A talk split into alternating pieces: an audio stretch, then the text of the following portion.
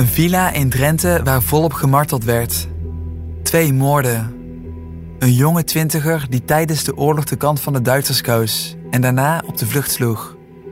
Een jongen die nu een man van 102 zou zijn. Wie is Jacob Luitjens? Wie is de schrik van Rode? Oorlogsmisdadiger Jacob Luitjens. Je ziet hem naar links met de lange jas. En hoe is het met hem afgelopen? I am not hiding in Vancouver.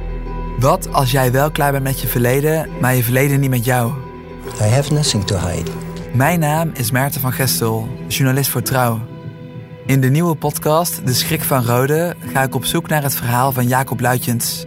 Wat zou ik gedaan hebben als ik opgegroeid was in een nazi-gezin? Gepakt, veroordeeld, uitgeleverd. Maar dan? Wie was deze laatste oud-NSB'er van Nederland en waar is hij gebleven? Was Jacob Luitjens echt de schrik van Rode? Of is zijn verhaal vooral een mythe? Das ist nicht wahr. He did not kill nobody. Talloze anderen die Luitjes nimmer gekend hebben... die zullen op een gegeven ogenblik in Luitjes... de misdadigers zien van de Tweede Wereldoorlog. Luister vanaf maandag 27 december naar De Schrik van Rode. Via trouw.nl en uw favoriete podcast-app.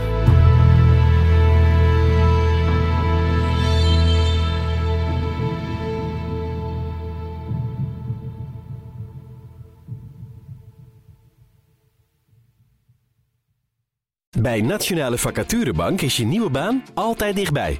Want wie wil er nu niet een baan waarbij je nooit in de file hoeft te staan? Jij toch ook?